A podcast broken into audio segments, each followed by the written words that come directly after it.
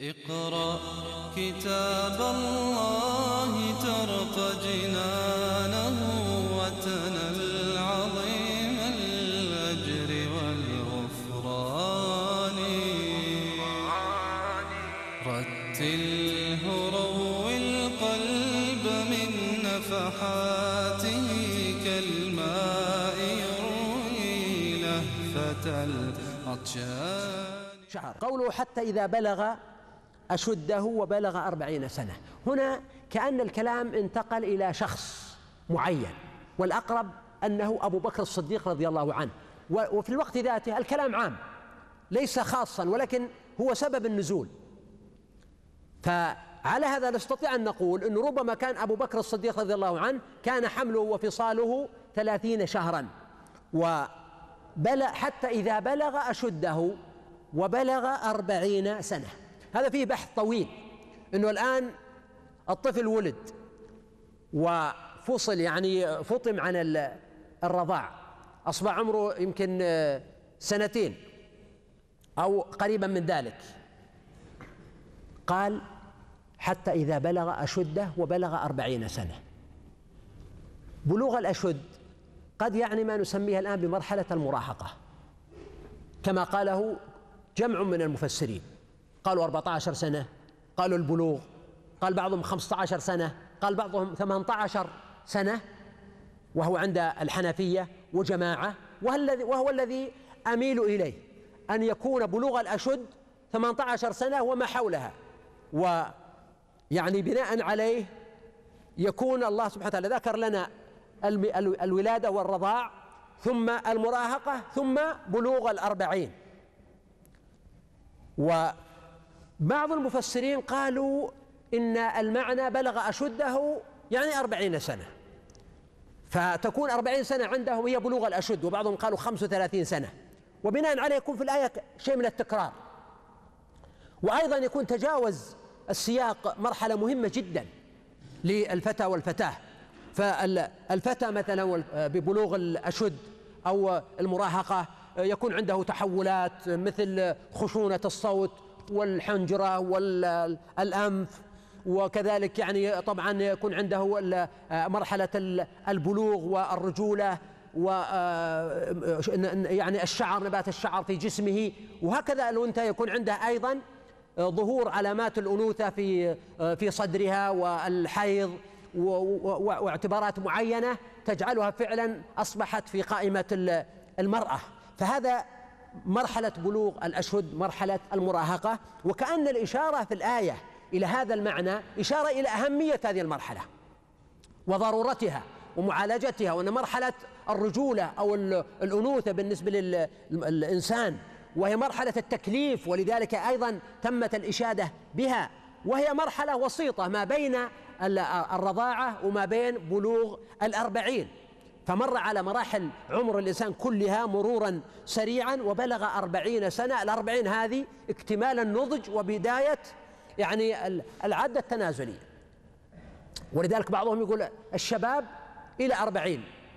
أنا كنت أقول الشباب إلى أربعين سنة بس بعد ما جاوزت أربعين سنة حسيت في داخلي أنه يعني صعب أنك تقول الشباب إلى أربعين سنة. فمددتها إلى الخمسين. وبعد الخمسين أصبحت أقول أن الشباب ليس له مدة محدودة أصلا. وإنما الشباب هو الروح. الشباب هو القلب. وبصراحة يعني أنا الحمد لله أحس بأني متشبث بالحياة وأسأل الله أن يجعل يجعلنا ممن طال عمره وحسن عمله و وبالمقابل أشفق على كثير من أبنائي وبناتي واليوم وأمس جوالي ما شاء الله مليان رسائل منهم آه، يعني تجد الحديث عن الانتحار والحديث عن اليأس والحديث عن الإحباط والحديث يعني تجده لغة شائعة ومتداولة عند أبنائنا وبناتنا نقول لهم بس الله يرضى عليكم هذه اللغة لا تستخدموها وسوف يعينكم الله. لكن إن تستفتحوا فقد جاءكم الفتح وإن تنتهوا فهو خير لكم. امتلك لغة إيجابية. كن متفائلا. كن متوقعا للخير. أحسن الظن بالله.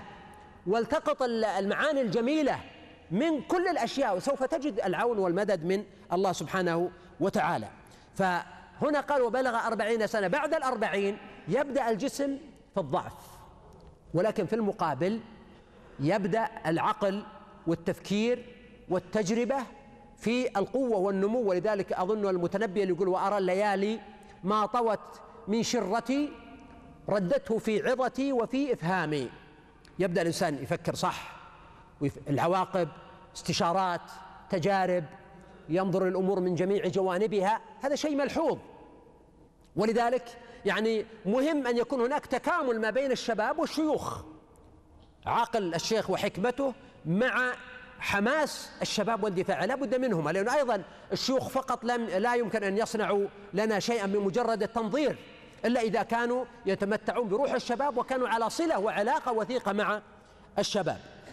أنعمت علي ربي أوزعني أن أشكر نعمتك هكذا يقول. ربي أوزعني وفقني وألهمني أن أشكر نعمتك التي أنعمت علي وعلى والدي. دعا بثلاث دعوات مهمة. الدعوة الأولى أن أشكر نعمتك التي أنعمت علي وعلى والدي. دعا الله تعالى أن يلهمه شكر النعمة وأداء حقها وأن أعمل صالحا ترضى هذه الدعوة الثانية. وأصلح لي في ذريتي. أيضا يقول العلماء إن السعادة ثلاثة أنواع.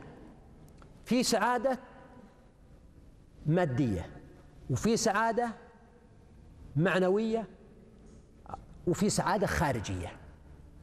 أما السعادة الأولى السعادة المعنوية في قوله ربي أوزعني أن أشكر نعمتك التي أنعمت علي وعلى والدي. أن أشكر نعمتك التي أنعمت علي. فالنعمة التي أنعم الله تعالى عليه هي نعمة البر أولا البر بالوالدين.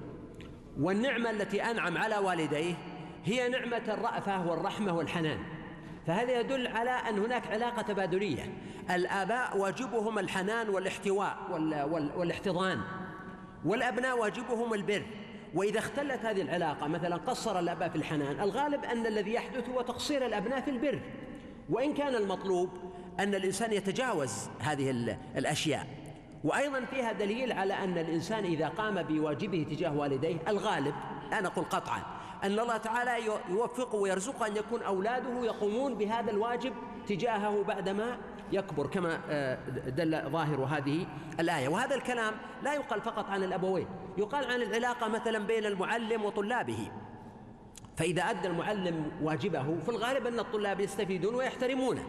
يقال في العلاقة بين الرئيس ومرؤوسيه مدير الشركة أو رئيس الإدارة أو الوزير أو الأمير أو الحاكم. فبقدر ما يؤدي الواجبات تكون الرعية طوعا له وبقدر ما يخل بها يقع الخلل في الرعية وطاعتها له. آه، آه، في آه، الآية الأخيرة التي وقفنا عندها في قوله تعالى حتى إذا بلغ أشده وبلغ أربعين سنة قلنا إن بلوغ الأشد كم؟ 18 عاد من من اللي نعطيه الجائزة؟ نبدأ بالأقرب. تفضل. وكلكم تستحقون. إذن قلنا أن بلوغ الأشد 18 وهو ما يعرف اليوم بالمراهقة. ومما يعزز ويدل على أنه فعلا المقصود ببلوغ الأشد ليس الأربعين وإنما 18 أنه في آيات أخرى ذكر الله تعالى بلوغ الأشد فحسب علامة على بلوغ الإنسان السن التي يأخذ بها ماله وابتلوا اليتامى حتى إذا بلغوا النكاح. بلغوا النكاح يعني بلغوا الأشد فإن آنستم منهم رشدا فادفعوا إليهم أموالهم. وكذلك ثم نخرجكم طفلا ثم لتبلغوا أشدكم ثم لتكونوا شيوخا. فدل على أن بلوغ الأشد هنا مرحلة دون ذلك. وكذلك فأراد ربك أن يبلغ أشدهما ويستخرج كنزهما في سورة الكهف في قصة اليتيمين. بلوغ الأشد الأشد مرتبط باستخراج الكنز. حتى آه، أيضا في قوله تعالى ولا تقربوا مال اليتيم إلا بالتي هي أحسن حتى يبلغ أشده فإذا بلغ الأشد يعني بلغ السن القانونية فإنه يدفع إليه ماله. فهذا يدل على أن المقصود ببلوغ الأشد هو مرحلة البلوغ المعروفة بمرحلة البلوغ. فإذا أضيف إليها مرحلة الرشد يعني أن يكون عاقل لا يكون سفيه فهنا يدفع إليه ماله. وهذا يترتب عليه نقطة مهمة وهي أن العقوبات الشرعية ينبغي أن يراعى فيها سن الإنسان. ولذلك يعني قد نرجح مذهب أبي حنيفة في أن الإنسان دون سن 18 ينبغي أن يراعى أنه كأنه قبل البلوغ بحيث أنه هنا لا يكون هناك تسرع في إيقاع العقوبات خاصة حينما تكون عقوبات قاسية أو شديدة لا يتسرع في إيقاعها عليه من قبل القاضي حتى يكون متأهلا.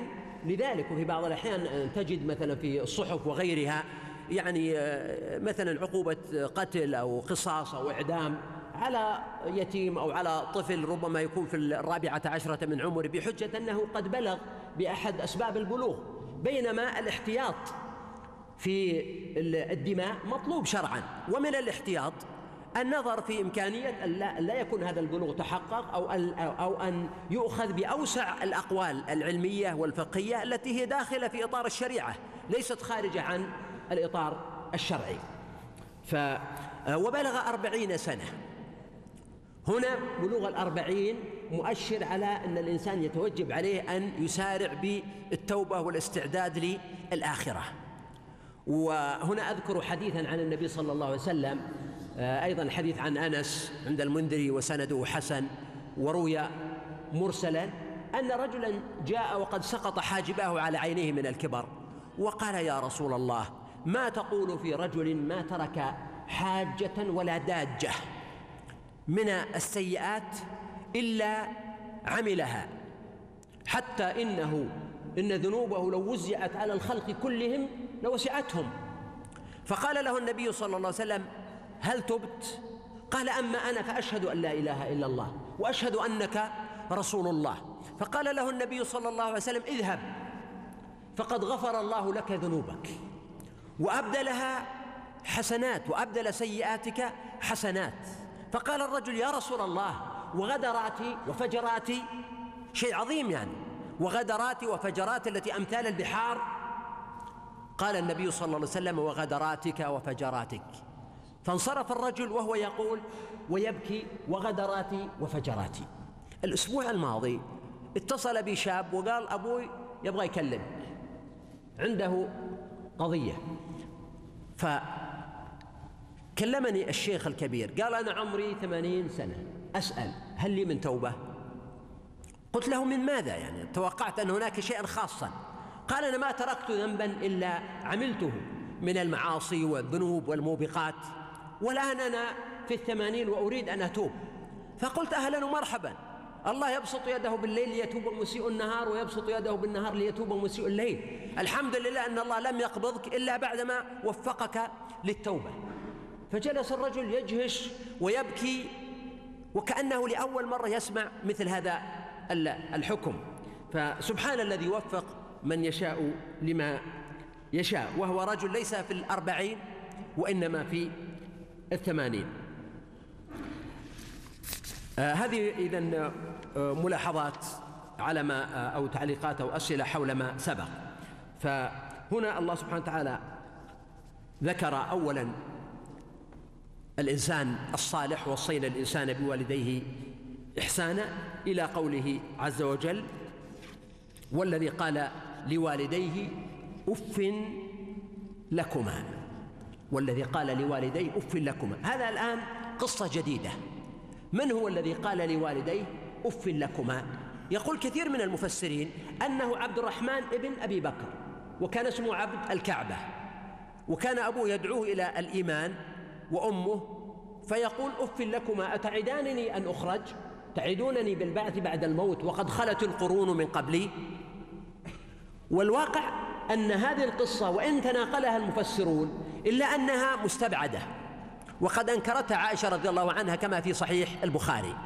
وأظن أن القصة ذي ذات بعد سياسي.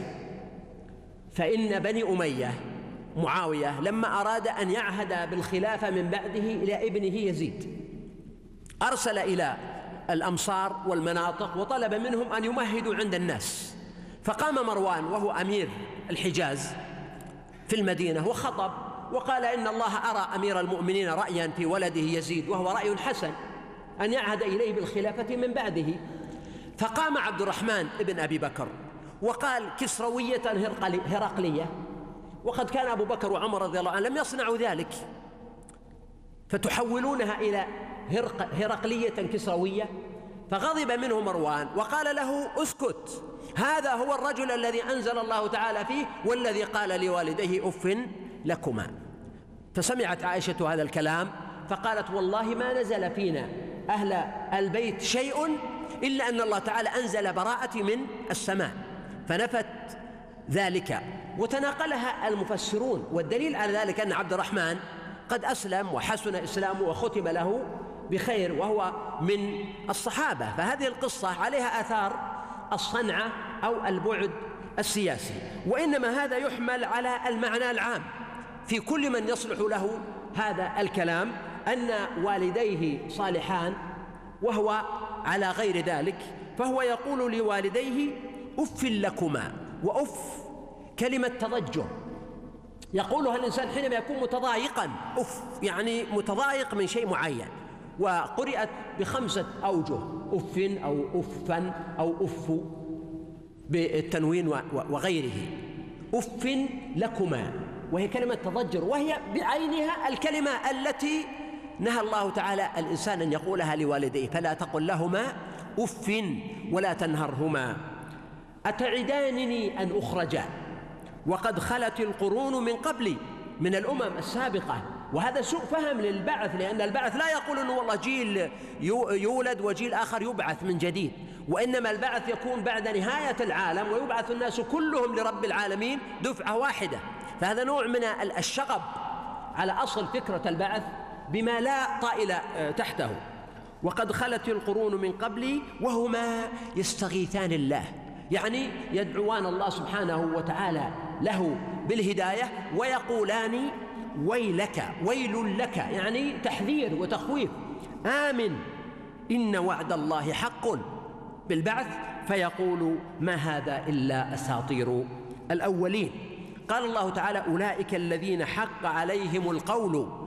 حق عليهم القول يعني حقت عليهم كلمة العذاب فمن حق عليه كلمة العذاب. حق القول مني يعني حق القول من الله سبحانه وتعالى. وهذا معناه أن الله تعالى كتب عليهم وقدر لكن ليس معناه أن القدر هو الذي جعلهم كافرين. فالقدر هنا يكشف حقيقتهم ومن الخطأ أن تظن أن القدر اعتباطي أو تعسفي وإنما القدر هو ما علمه الله تعالى من عباده. فالله تعالى علم ما العباد عاملون وكتب هذا عنده فسمي هذا قدرا وليس فيه تعسف.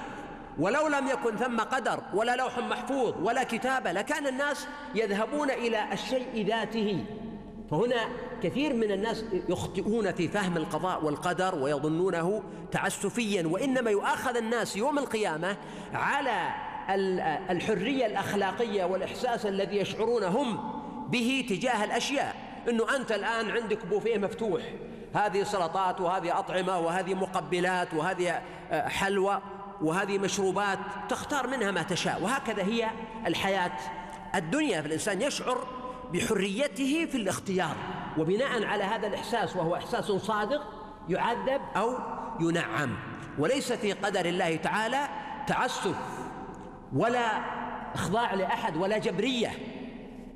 هذا آه، معنى قوله أولئك الذين حق عليهم القول في أمم قد خلت من قبلهم من الجن والإنس. وهنا لاحظ أنه ذكر الجن والإنس لأن الجن الغالب عليهم الفساد وأيضا تمهيدا لما سوف يأتي في آخر السورة من الحديث عن الجن وأن الله تعالى صرفهم ليسمعوا خبر القرآن. إنهم كانوا خاسرين. اقرأ كتاب الله ترق جنانه